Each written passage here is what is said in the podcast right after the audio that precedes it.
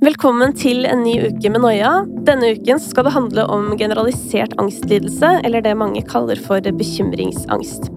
Ukas gjest er Bjarte Tjøstheim, som er en kjent og kjær radiostemme for veldig mange. For tida spiller han også en forestilling på Det Norske Teatret om nettopp angsten sin.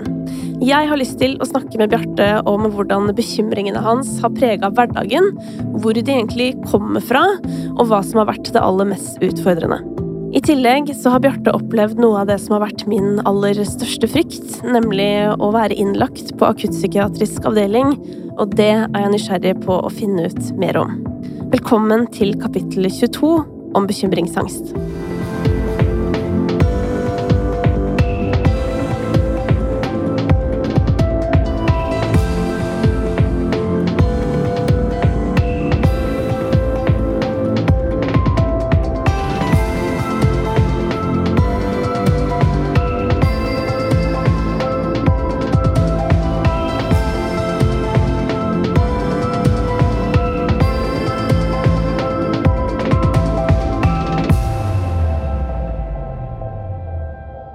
Hjertelig velkommen hit til Noia, Bjarte. Tusen takk. Hyggelig å komme hit. Det er så hyggelig å ha deg her også. Ja, det, Det var jo- tidlig å si. Det var tidlig å si. Ja, men det har jo eh, vært en slags, eh, en slags eh, drøm å få deg til å komme hit, fordi det er så mye jeg er nysgjerrig på. mm, Nettopp. Ja. Så det er nesten så jeg ikke vet hvor jeg skal begynne, men la meg starte med å spørre deg om Er det noe spesielt som bekymrer deg litt sånn ekstra nå om dagen? Eh, nei, det er egentlig ikke det, for nå, nå føler jeg at ting går så på skinner, sånn at uh, akkurat nå er jeg inne i en veldig god periode. Så deilig, da. Ja, ja, ja absolutt. Jeg, jeg, jeg nyter det, men jeg vet jo hele tiden at rundt neste sving uh, så kan det fort eh, rase ned igjen. Og jeg er jo en pessimist, sånn at så lenge det går bra, så nyter jeg det. Ja, Så du klarer det, altså. Ja, det vil jeg si.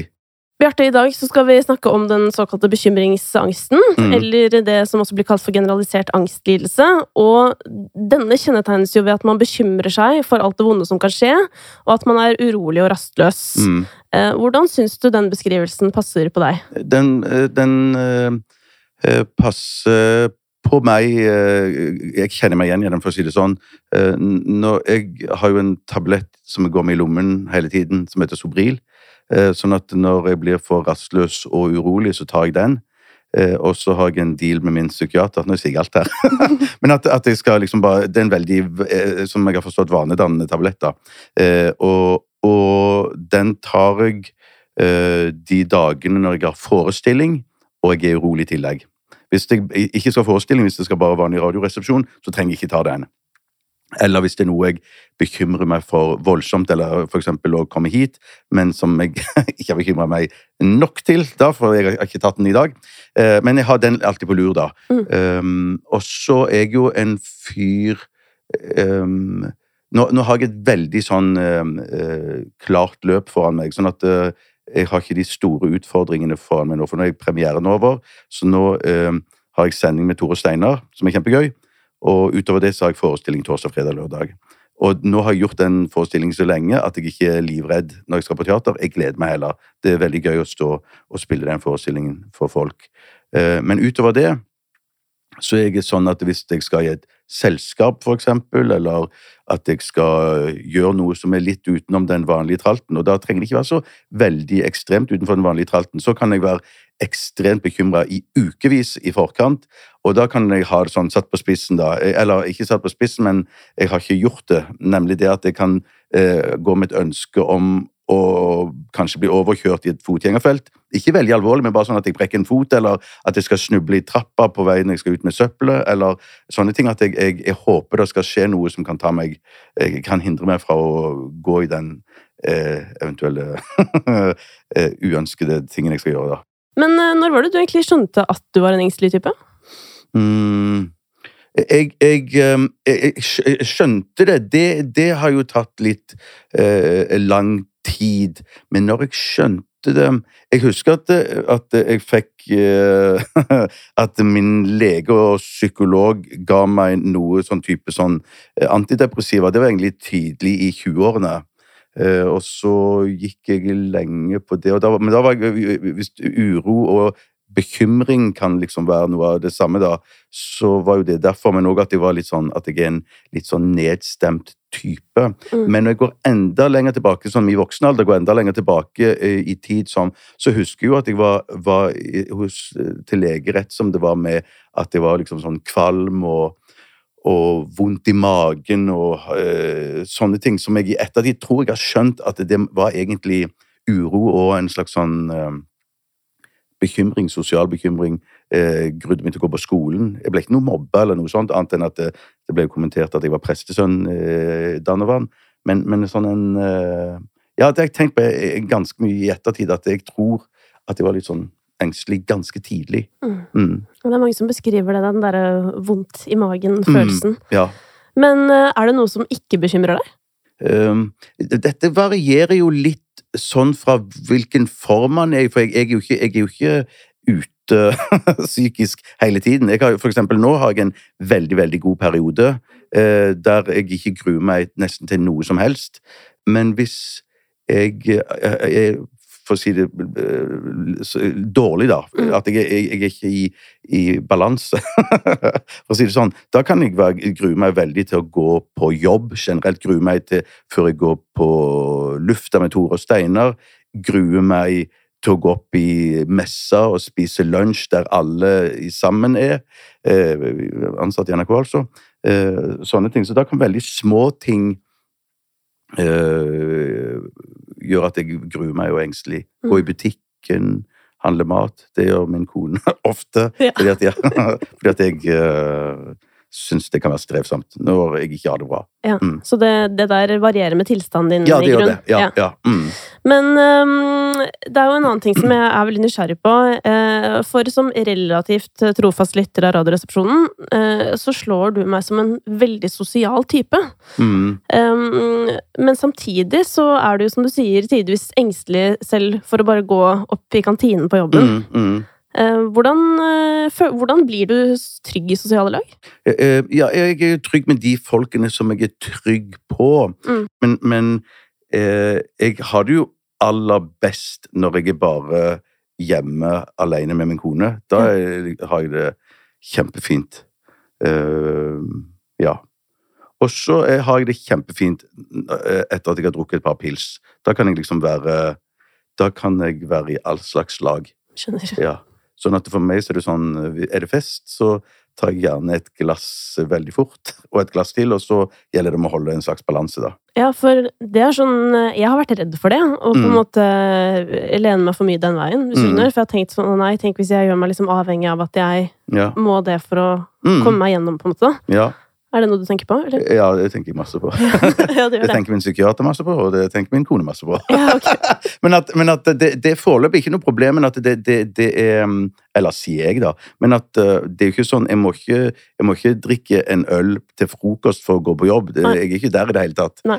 Eh, men at uh, At ofte i sosiale sammenhenger så må jeg velge mellom skal jeg ta meg en gammel dansk, eller skal jeg ta meg en Sobril. Mm. Og da sier vel fagfolkene at da er det vel bedre å ta en Sobril. Eh, jeg vet ikke. Ikke. Kanskje vi skal få vite det seinere. Men um, um, jeg lurer på også dette her med Du sier jo at, um, at det varierer selvfølgelig med tilstanden hvordan, hvordan du har det, men er det liksom noen ting du bare unngår på generell basis? Det òg igjen er sånn i, i, i, um, Varierer fra sånn dagsform Ja, i sånn dagsformtid, men, men greien er at jeg tar jo eh, trikken ned til byen, og så da prøver jeg å ikke ta trikken i de, de verste sånn rush hours. Mm. Eh, og så vet jeg òg at eh, så føler jeg samtidig, når jeg tar trikken, så føler jeg frem eh, Da føler jeg på en måte at jeg er flink som klarer å overvinne det og, og ta den. Men, men når jeg ikke har det bra, så er det helt uaktuelt for meg å, å, å gjøre. Og så også det å handle i, i butikker eller gå og kjøpe klær og sånn, syns jeg krever en del av meg. Så jeg er ofte sånn at finner jeg noe som jeg liker, så kjøper jeg eh, fem par. Sånn som den skjorten her har jeg seks eller sju av. Ja, så det var sånn. det er faktisk veldig lurt. Jeg har lært av min kone, som, er, som eh, ikke har sosial angst i det hele tatt, men hun, eh, hun sier finner du noe du liker, så kjøp eh, to, da. Eller tre. Mm. Men, men hva er det med det å gå i butikken som du syns er utfordrende? Jeg vet ikke. Det, jeg- kanskje er det sånn at, det, at jeg blir sånn eh, eh, At man, Hva heter det? Sånn eh, selvbevisst, Mm. på et vis, da. Som gjør at jeg klarer ikke å slappe av. Og at jeg føler meg dum, og jeg er redd at jeg ikke skal fikse situasjonen. At jeg, at jeg skal si noe dumt som jeg angrer på til de som står i butikken. At jeg eh, vet at jeg kommer til å bruke lang tid i ettertid på å etterrasjonalisere det. Mm. At eh, å, å miste selvtillit og er redd for at de skal si buksa passe, og så si Så da tror jeg på de, og så kommer jeg hjem, og så sier Kristin den ser jo helt ugly ut, og så må jeg tilbake igjen og bytte den, og sånne ting. Ja. ja I, I, don't know. Det er jo ikke noe logikk i sånt med angst og panikk og sånn. Sånn at eh, no, eh, nå, eh, Er det greit at jeg bare skravler? Selvfølgelig, det er derfor du er her. Nei, men det, det er jo sånn, det er jo sånn når, når jeg lager den forestillingen på teateret, så, så, så fant vi jo ut at vi er nødt på et vis til å, til å si fra starten av at dette det, det er ikke Det er utfordrende i starten å, å, å, stå på scenen helt alene.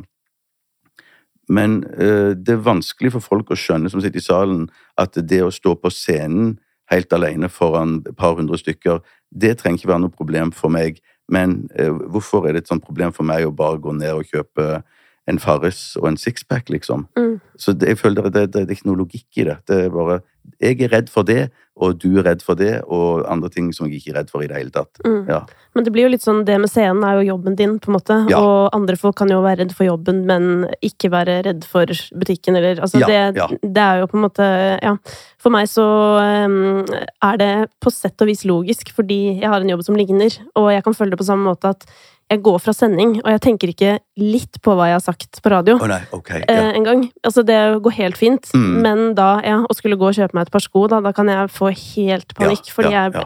føler at alt jeg sier, høres dumt ut. Ja. Eh, og hvis det er noe som betyr sånn tur, hvis jeg skal kjøpe turutstyr, for eksempel, ja. det tør jeg ikke. Nei, ok. Så jeg må kjøpe det på internett. Ja, nettopp. Ja. nettopp. Og da det får jeg jo ikke det jeg liksom trenger, kanskje.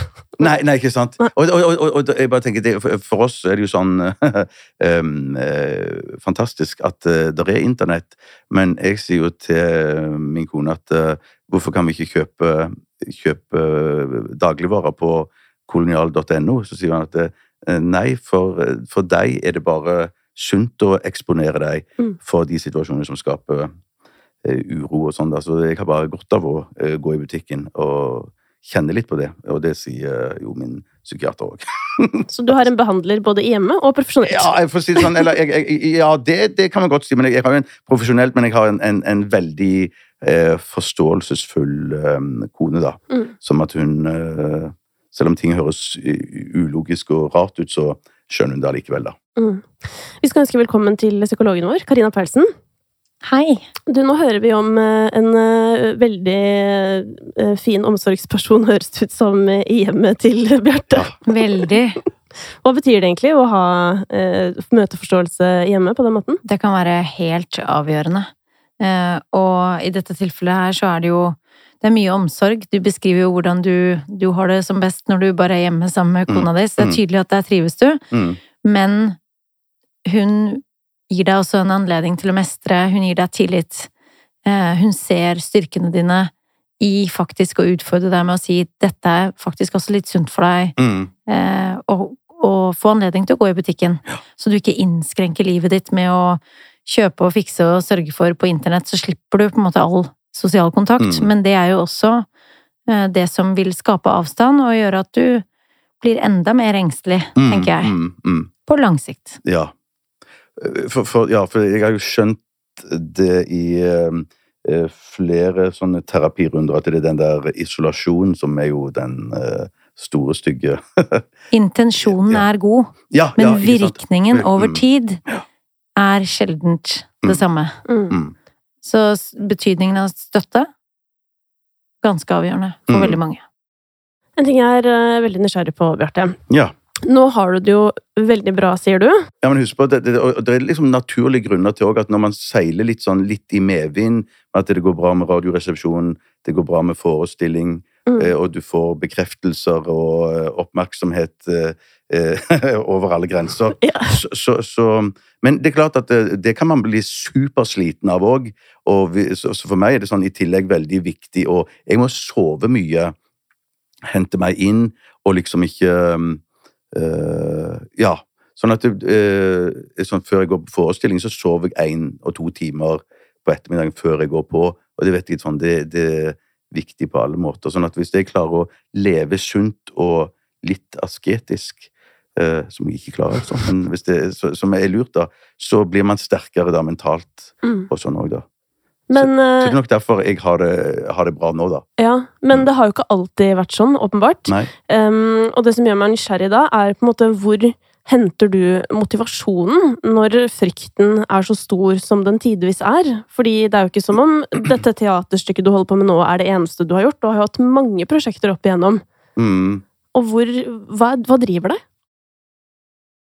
Det- det- jeg har jeg har jo tatt sånn person, personlighetstest med Harald Eia og Nils Brenner. Det har jo vi eh, gjort, Steinar Tore og jeg. Mm. Eh, og det som eh, har vist seg, er at vi er jo ekstremt introverte alle sammen.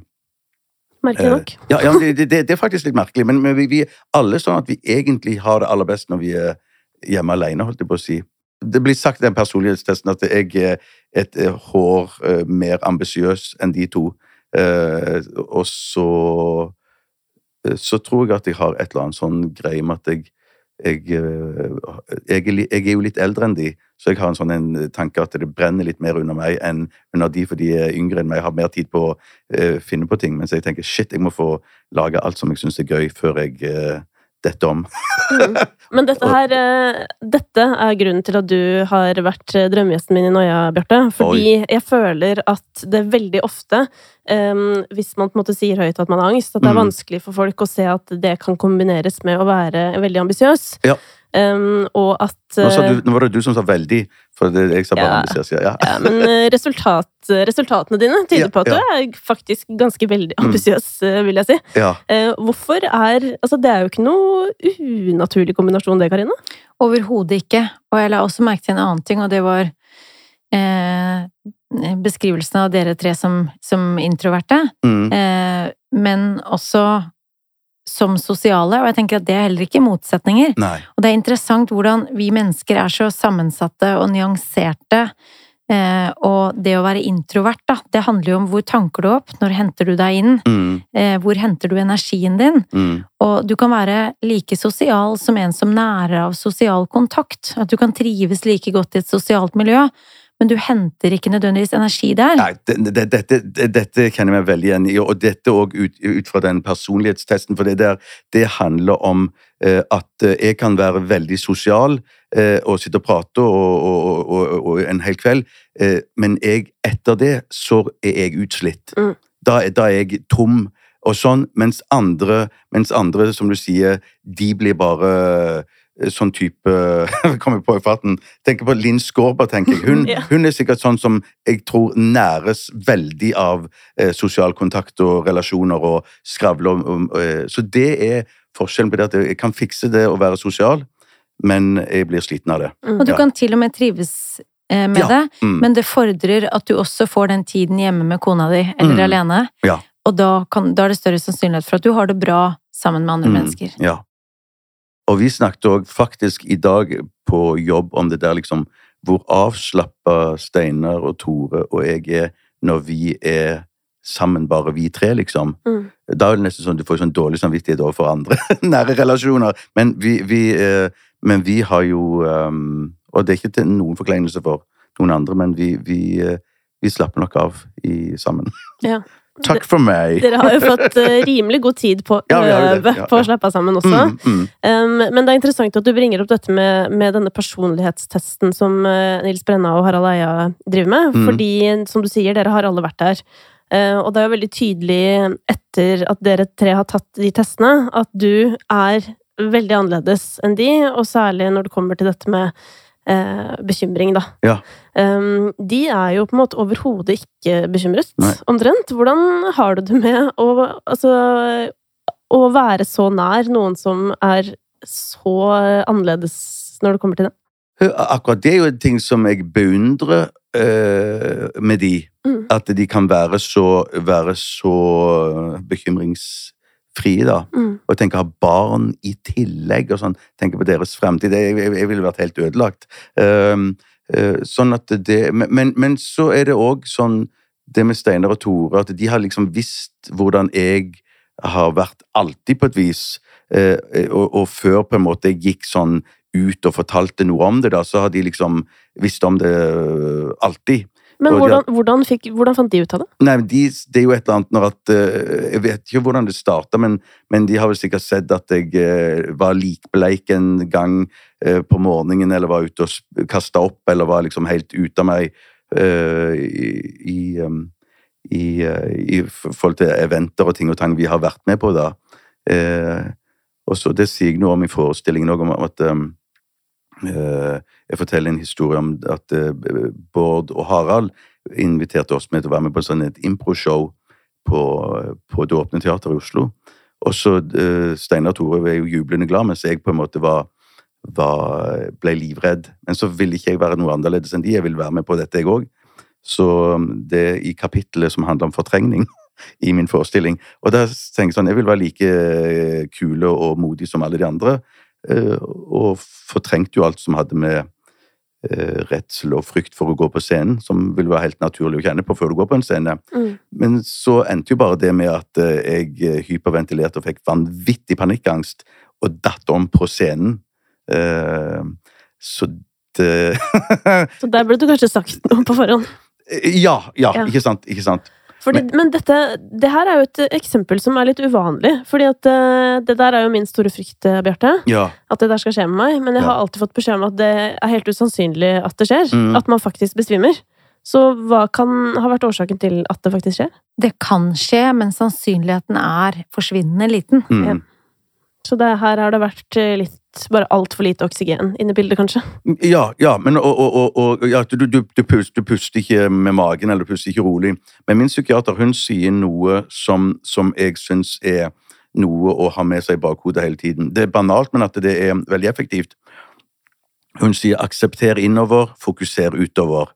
Og Det betyr bare at du skal bare akseptere at kroppen Og dette, ja, det, det er fjollete lett å si, men hvis at du kan være eh, backstage før du går på scenen og bare tenke at det at du nå er litt sånn halvsvimmel, og at det kribler litt i armer og bein, og at du er litt kvalm, og bare vet at det er normalt, og du vet jo at når du går av scenen, så vil alle de følelsene være, være borte, de Mm. fysiske følelsene, at du egentlig bare er prega av, av frykta i kroppen fysisk, og bare akseptere det, Mm. og så fokusere på teksten du skal fremføre, eller det du skal si, og sånn da, så, så, så tror jeg sjansen da, eller min opplevelse av det er at eh, du svimer ikke av.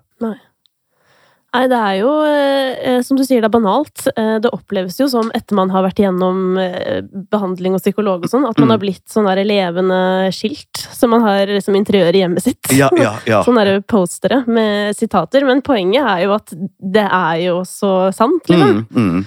Det er kanskje derfor det er effektivt òg, nettopp fordi det er så banalt. Ja, ja, ja det, det, det, tror jeg absolutt. Og så tror jeg liksom det, det er ting som er, lett å huske. Og jeg, jeg, når jeg, når jeg, jeg hadde et annet mantra før, eh, før jeg møtte henne. og så, så opp gjennom årene så har jeg liksom hatt noe Så har du på en måte de tingene med deg så lenge du føler at du kan tro på de. Mm. Og så etter hvert som får du en slags sånn oppfatning at nei, dette er for dumt, dette er for banalt, så det er det akkurat som psyken vinner over meg igjen, og så må jeg ha et eller annet nytt. Eh, som jeg kan tro på igjen. Ja. Men akkurat dette akseptere innover, fokusere utover, det har, jeg- det har jeg hatt med meg i, i flere år nå. Så Ja. det, det, mm. Det høres ut som deg også, Karina. Det er mye av det samme du pleier å si. Ja, jeg tenker at det ofte er ganske enkle ting som kan hjelpe oss, da. Absolutt. Og det er også, jeg tenker sånn, du står på scenen, Bjarte, men andre folk skal kanskje liksom kjøre opp, eller Mm. ta annen, ja, ta teoriprøven, eller eh, på jobbintervju, da. Altså, det er jo mange lignende situasjoner som gjør at man får fysiske symptomer, fordi man gruer seg og man er stressa, ikke sant? Og problemet da, når man har slitt eller sliter med angst, Mm. er jo at man begynner å tolke det som at nå kommer sykdommen. Ja, ja, ikke sant? ikke sant? Og jeg tenker på sånn, sånn som blir foreldre, så tenker jeg sånn, shit, jeg er så glad jeg ikke har, har barn, for da slipper jeg å holde den konfirmasjonstalen om eh, 14 år. Men jeg tenker, det, det, det er jo et vanvittig press for foreldre, eh, masse andre ting også, men at det, det der med at du på den dagen der så forventes det eh, at du skal gjøre det, og det er kanskje den eneste gangen, eh, hvis ikke du får bryllupstale for din datter eller sånn i tillegg, da, men at det, liksom, det er kanskje de to eneste gangene du reiser deg eh, foran et publikum og skal presentere en tale som du, ja, så, eh, og aldri ellers. Eller du slipper resten av livet å holde tale, men da må du gjøre det. Da, er det, da kjenner du på disse symptomene, tenker jeg, ganske kraftig. Mm. Ja. Men um, du snakker jo om øh, dette her at hvis du hadde hatt barn, så vet du ikke Mm. hva du skulle ha gjort, for da hadde du hatt mildt sagt mange bekymringer. ja. Um, tenker du at, at det at du ikke har det, er øh, har med din engstelse å gjøre? Ja, blant annet. Mm. Men det, det er andre ting òg, som, som jeg ikke vil snakke så mye om. Men at, Mm. men at det er absolutt at det er med inn i bildet, ja. Helt klart. Det er bare, vi har jo hatt øhm, et kapittel om det, øh, hvor vi hadde en gjest som het Espen, som fortalte på en måte om Han fikk jo barn da før han ble engstelig, Mm. og det sa han heldigvis til. Ja. Ikke ja. sant? Mm. Fordi det Jeg har jo kjent veldig mye på det. Sånn shit, er det liksom noe som kan være mulig? Nettopp fordi jeg, jeg kan ikke se for meg at jeg hadde sovet en natt Nei. i resten av mitt liv. Liksom. Jeg hadde bare ligget og tenkt på alt som kan gå galt. Men vet du hva i tillegg? Det som jeg tror Jeg har sagt noen ganger, eh, og, eh, og innrømt det, da, at jeg tror at eh, jeg hadde hatt godt av å ha hatt et barn. Mm. Fordi at da klarer du å flytte eh, bekymringene fra deg selv over på noe annet, da. Mm. For det å ikke ha barn og ha, eh, streve med angst og ting og tang, det er jo den perfekte anledning for, for angst, holdt jeg på å si, og Mm. bekymringer, for du, du har så mye tid til deg sjøl. Ja, de kan få lov til å spire og gro, og det er rikelig med tid. Mm. Det er ingen andre som opptar oppmerksomheten eller fokuset, som, som gir deg nettopp en anledning til ytre fokus. Ja. En anledning til å løfte blikket, få perspektiv, tenke større og utover deg selv. Mm. Mm. Det er jo det ultimate ytre fokus. Ytre fokus, ja, det er jo det. Så det, det, derfor, må ikke, det, derfor må du ikke la deg stoppe. Nei. Ja, ja. Nei, jeg burde ikke det. Det er jo Nei. liksom det vi har, vi har, liksom- har på en måte bilde på sånn der at noen roper på deg, da er det sånn mamma eller pappa, liksom. Ja, Så er det jo ja. sånn Da kommer du ganske fort ut av det du måtte operere med inni Ja. hodet. Det tror jeg. Ja, Ja. virkelig. Og de tankene inni hodet, de kan jo bli rimelig spennende hvis de får holde på lenge, lenge nok. Ja, ja, ja, ja absolutt. Ja. absolutt. Men øh, du har jo gitt oss noen eksempler på ting du har vært redd for opp igjennom, Mm. som jo har vært det aller meste, nesten, når du er i en tilstand av angst. Mm. Hva har vært det du har vært mest redd for? det som har vært sånn helt sånn ordinær eh, greie eh, eh, er, er jo sånn type fly Eh, Jeg var veldig redd for å fly før. Nå er jeg ikke redd for å fly, men jeg er ganske urolig når jeg er på flyplasser. Men eh, ja, oh, ja, at- for, Jo, for det, hele det greiene står i Står i um, I sånn kø innenfor innsjekking, eh, levere kofferten, sikkerhetskontroll. Det er akkurat som jeg føler at jeg skal bli tatt for noe som jeg ikke, um, ikke har noen rasjonell forklaring på. Og så får jeg alltid en sånn, uh, får jeg alltid en sånn en, eh, følelse av konsentrasjonsleir når vi står lina opp i sånn kø, at alle skal gjennom de båsene der. Mm. Og det, det fyller meg med en sånn en utrolig eh, eh, tristhet. Eh, som gjør at jeg blir nesten sånn eh, eh, Nesten på grineren, for jeg føler sånn Jeg assosierer eh, feil, da. Ja. Istedenfor bare å komme seg gjennom. Så det, det, jeg er alltid tidlig ute når jeg skal på, ut og fly. Så er det liksom sjekking, komme seg gjennom alt det helvete der. Og så sette seg og ta et lite glass. Eh, nei, ja, nei, og så et glass champagne, og så på flyet. Ja, skjønner. Men ellers utover det, så tror jeg nok, eh, når jeg analyserer meg litt sånn i ettertid, mm. så tror jeg nok, som prestesønn òg, opp gjennom tidene, så har det nok ligget eh, og dette er jo ikke rasjonelt i det hele tatt, men jeg vet at mange som kommer fra sånn miljø som jeg kommer fra, så ligger det en, en helvetesangst i bunnen. Eh, rett og slett for at det, du er ikke et bra nok menneske, og ifølge Bibelen og alle de tingene der, så kommer det en dag, en dommens dag, og da eh, sendes du til helvete. Men dette, dette er ikke noe som jeg strever så mye med nå. Jeg kan streve med å ikke være et bra nok menneske, Mm. men jeg tror ikke lenger eh, at, eh, at jeg kommer til helvete, og jeg tror ikke at helvete eksisterer engang. Men jeg snakker, og dette sier jeg òg i forestillingen Én ting er å rasjonelt eh, eh, si at jeg tror ikke på helvete, Men hvis kroppen ikke er med på det, Mm. så er det på en måte like langt. Sånn at jeg har nok hatt masse sånne angstsymptomer, fysiske og psykiske, som jeg egentlig i i ettertid kan eh, tenke meg er eh, at det er en, eh, en angst som har satt seg fysisk, mens jeg rasjonelt på en måte eh, skjønner at eh, Eller vet at det er ikke noe helvete. Mm. Men, ja, men det, helvete er jo én ting, men eh, det der er jo Kan jeg jo kjenne meg igjen i, i andre ting enn akkurat eh, det Ja. religiøse bunnlinja, på en måte. Men sånn det der med at du har blitt redd for eh, noe, da. For min del er det faktisk kantina på NRK. Ja. Eh, og jeg vet at ikke det er noe som kommer til å skje inn i kantina, Mm. men hver gang jeg går inn i kantinen, så føler jeg litt at nå begynner jeg å riste, og nå ja. går det gærent, liksom. Men, men, men går du i kantina for å liksom kjempe eh, mot det monsteret sjøl, eller eh, henter du deg mat, og så går du og setter deg et annet sted? Jeg har ikke spist i kantinen på Nei, er det et par år.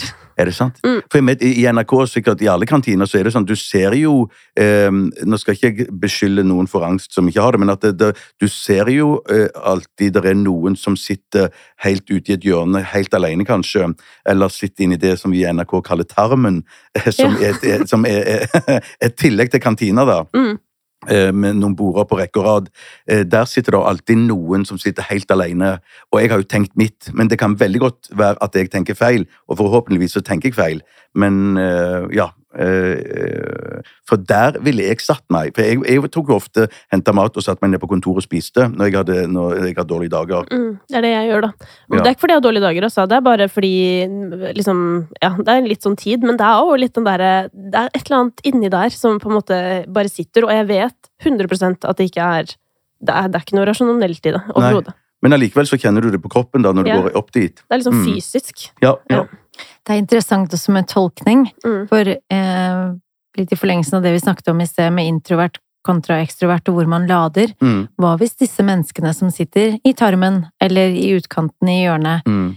eh, faktisk handler på egen mentale hygiene? Mm. Verner om et space Ja, og fokuserer på å nyte lunsjen og ta en pause, eller Det kan være mange forklaringer på samme atferd. Mm. Shit, det har jeg ikke tenkt på i det hele tatt. Men Nei, det eh, er veldig spennende. Ja. Jeg håper jo det er det. Ja. Jeg håper jo det, At de sitter rett og slett Nå, dette er mitt øyeblikk av ro og opphenting av energi. mm. Så holder du dress. Fy søren. Men ja, for det er også litt av grunnen til at jeg ofte spiser på pulten, faktisk. Mm. Fordi dere er jo på en måte deg og Tore og Steinar. Mm. Um, mens jeg har jo gjester hele tiden. Eh, og da kan jeg Ja. kjenne på innimellom at jeg ikke har lyst på lunsjgjester, hvis du skjønner. Ja, ja, ja jeg, jeg skjønner det kjempegodt. Og husk på at Steinar og Tore vi har kjent hverandre så lenge at vi kan også være stille i lunsjen. Mm. Det er ikke lenge vi er stille, men at det, det, jeg, jeg kan sitte og være stille lenge. Det samme kan Steinar og Tore gjøre. Men at det så, med en gang det er noen som kommer og setter seg ved siden av oss, så jazzer vi oss veldig opp alle sammen, og så plutselig blir det ekstremt hektisk og morsomt. Ja. Men da kan, da kan jeg bli litt sånn pumpa Ja. etterpå. Men øhm, vi, øhm, vi var jo så vidt inne på dette med, med hva som har vært den største frykten. Mm. Øhm, har du følt noe på sånn derre At du har vært redd for å bli gæren, liksom? Mm. Det høres ut som jeg har vært alt. Nei, men, men, men, men det Det, det, det, eh, det er nok den største frykten. Eh, ja. Og, eh, og det handler om eh, at det er andre som har eh, hatt problemer i min slekt, da. Mm. Som har gjort at jeg har tenkt eh, dette kan òg ramme meg. Eh, som har vært eh, eh, mer alvorlige ting enn det jeg plages av, da. Mm. Ja. Men har du da vært redd for at du på en måte skal bli sånn, eller har du Ja. hatt et sånn eget scenario hvor du har sett for deg hvor du kunne ende, på en måte? Eh, ja, nei, det, det alt det som handler med det å miste kontrollen og liksom bli klin kokos, det er basert fra jeg var ganske ung på, eh, på de andre tingene i familien, ja. Mm. Så det, jeg, har hatt, jeg har ikke den eh, frykten for å miste totalkontrollen. Den er, ikke, den er ikke kommet ut av meg selv, nei, sånn sett. Ja, fordi det har på en måte vært en støtte for meg. At ikke det er noen i familien min Ja. som er det. Mm. Hvis du skjønner. Mm. Så jeg har tenkt sånn her, ja, men genene mine kan jo umulig Ja, ja, ja. ja, ja. dra meg den veien, Mm, har jeg mm. tenkt, da.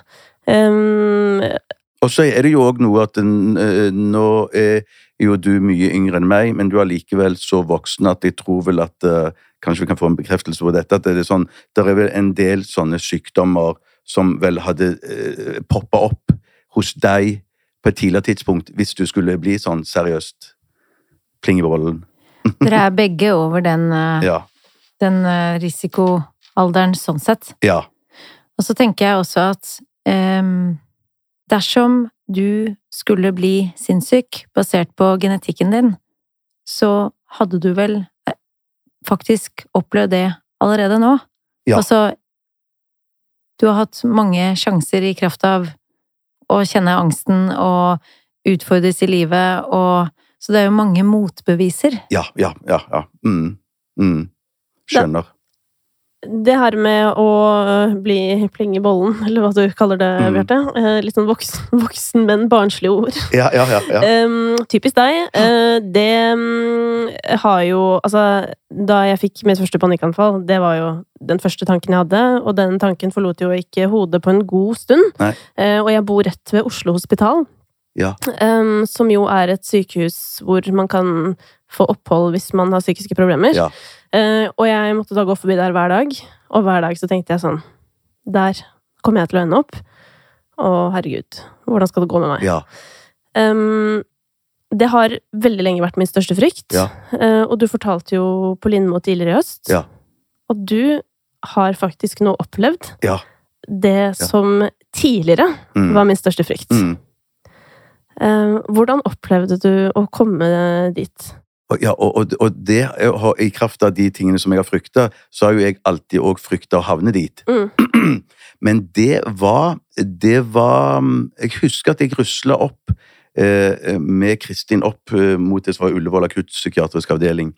Eh, og da, da eh, husker jeg bare sånn veldig klart at jeg sa eh, For det var, ikke all, det var ikke alt annet som var klart, men akkurat det husker jeg at jeg sa til henne. At eh, ja, shit, jeg har jo alltid visst at eh, før eller siden så skulle jeg ende her. Ehm, det var jo egentlig for å prøve å holde humøret oppe hos begge to, da.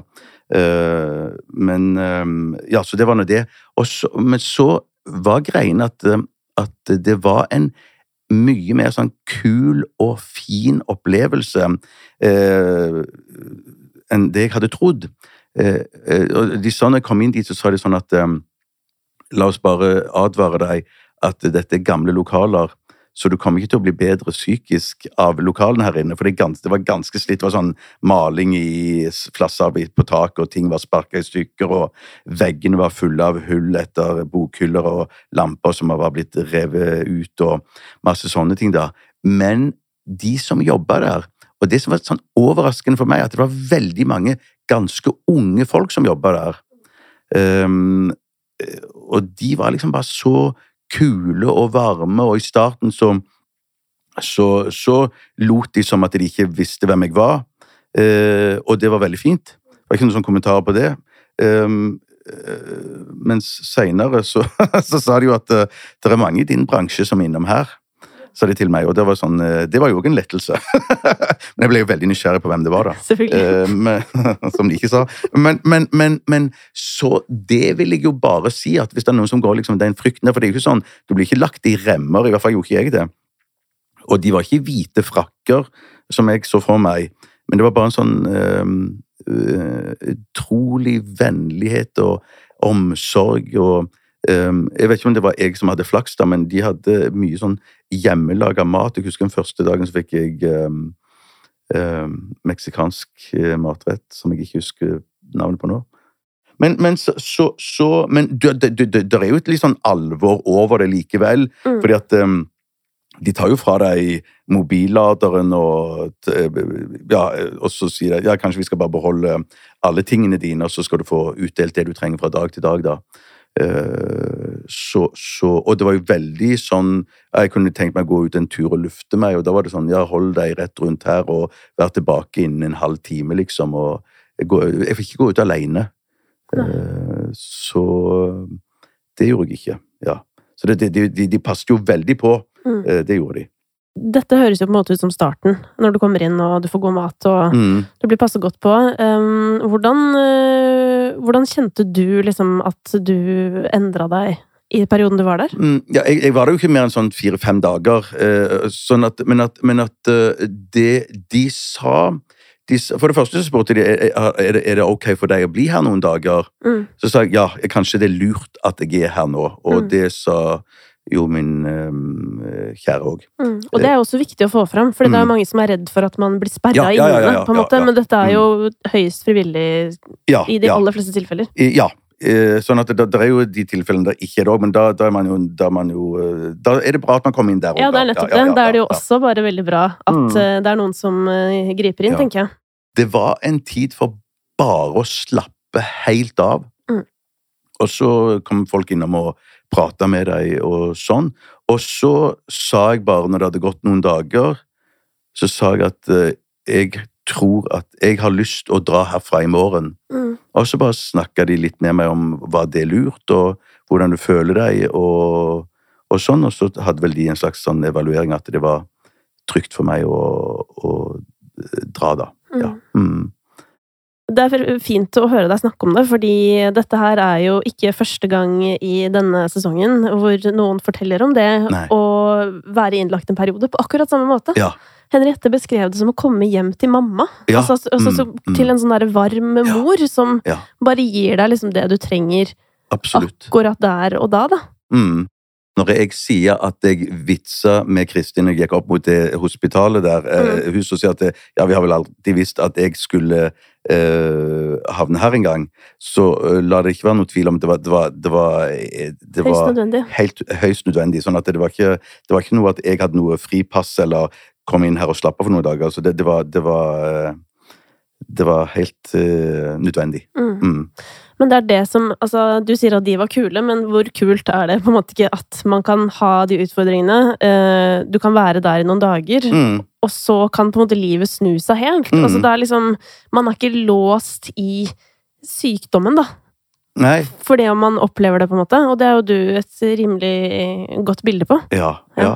Men jeg har tenkt litt på det der med Og det må jo du òg ha reflektert rundt, det der med hvorfor, eh, hvorfor gikk du ut og fortalte om, om det som plaga deg?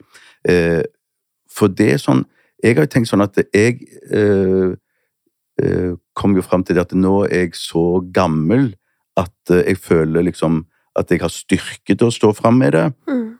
og at eh, jeg har ikke sagt litt banalt at, jeg, har ikke, jeg har ikke noe å tape, og det mener jeg ingen har. Ingen har noe å tape, men allikevel så syns jeg at uh, man skal spørre seg selv er jeg klar for å stå fram med det? Er jeg sterk nok til å stå fram med det? For at eh, eh, står du fram med det, som jeg syns du skal, så må du reflektere om de tingene der. Om at du, for det, det er et kors å bære det at uh, folk vet om det. Mm, Og, og jeg kom fram til det at, eh, at det, det er bedre for meg, helt egoistisk, for da slipper jeg å forklare så mye, og hvorfor er jeg sånn, og bortforklare ting. Uh, ja, fordi at hvis, når jeg er dårlig, så er det vanskelig for meg å gå i butikken, men hvis jeg må gå i butikken, så kan det være litt sånn stress at jeg merker at folk ser på meg, men det er ikke sikkert de ser på meg fordi at jeg har angst. Sannsynligvis så ser de på meg fordi de hører Radioresepsjonen, eller de har sett Mhm. en TV-serie eller et eller annet sånt. da. Men da er man mye mer sånn eh, følsom og hudløs i forhold til all slags eh, eh, kontakt slags styring. Ja, ja, ja. ja. Men hva, hva, hva, hva, jeg bare blir nysgjerrig. Hva, gjorde at du eh, ville si det?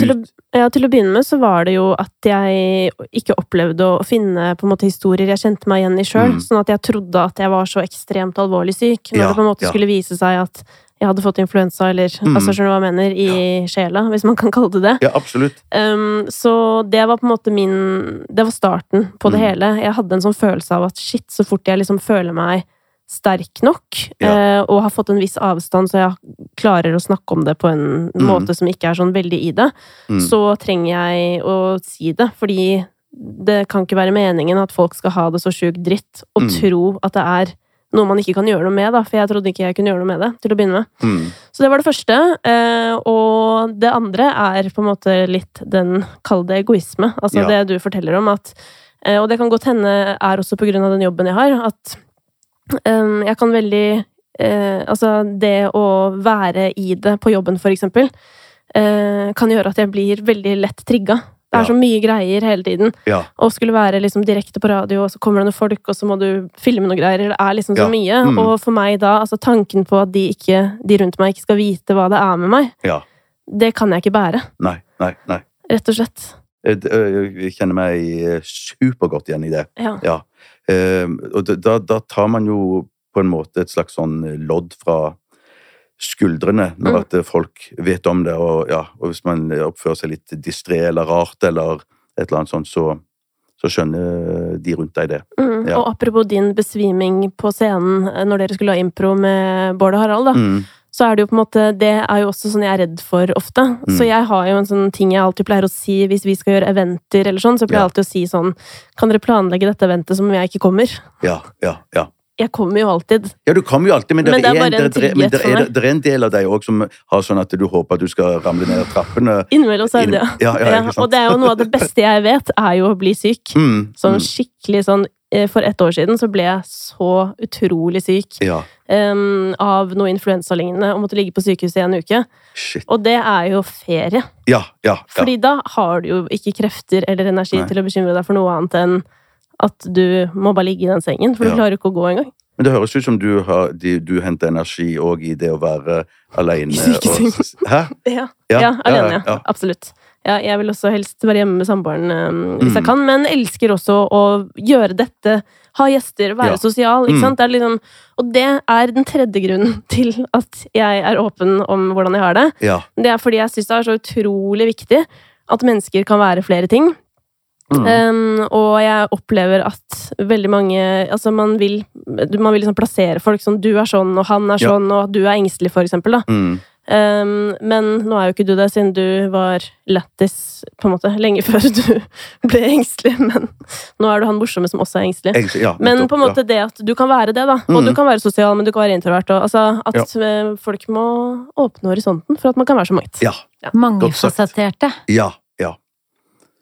Mangefasettert. Mhm. Så det vi har. Ja, men alle er jo det. Ja. Alle, ja. Du, helt til slutt, eh, Bjarte, så har jeg lyst til å eh, sjekke av noen ting med deg. Ja. For du eh, har jo passert halvveis til 100, Mm. um, og den angsten har du båret med deg lenge. Mm. Og jeg regner med at du sikkert har prøvd en del ulike ting for å Ja. møte den. Hva vil du si har vært det mest virksomme? Oh, shit. Det mest virksomme er jo terapi Ja. for meg. Ja.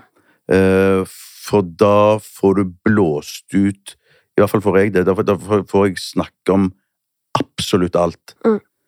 Eh, for det er klart at eh, med sin samboer, med sin kjæreste og med sin kone, eller partner, så får man òg snakke om alt. Men man får ikke snakke om absolutt alt.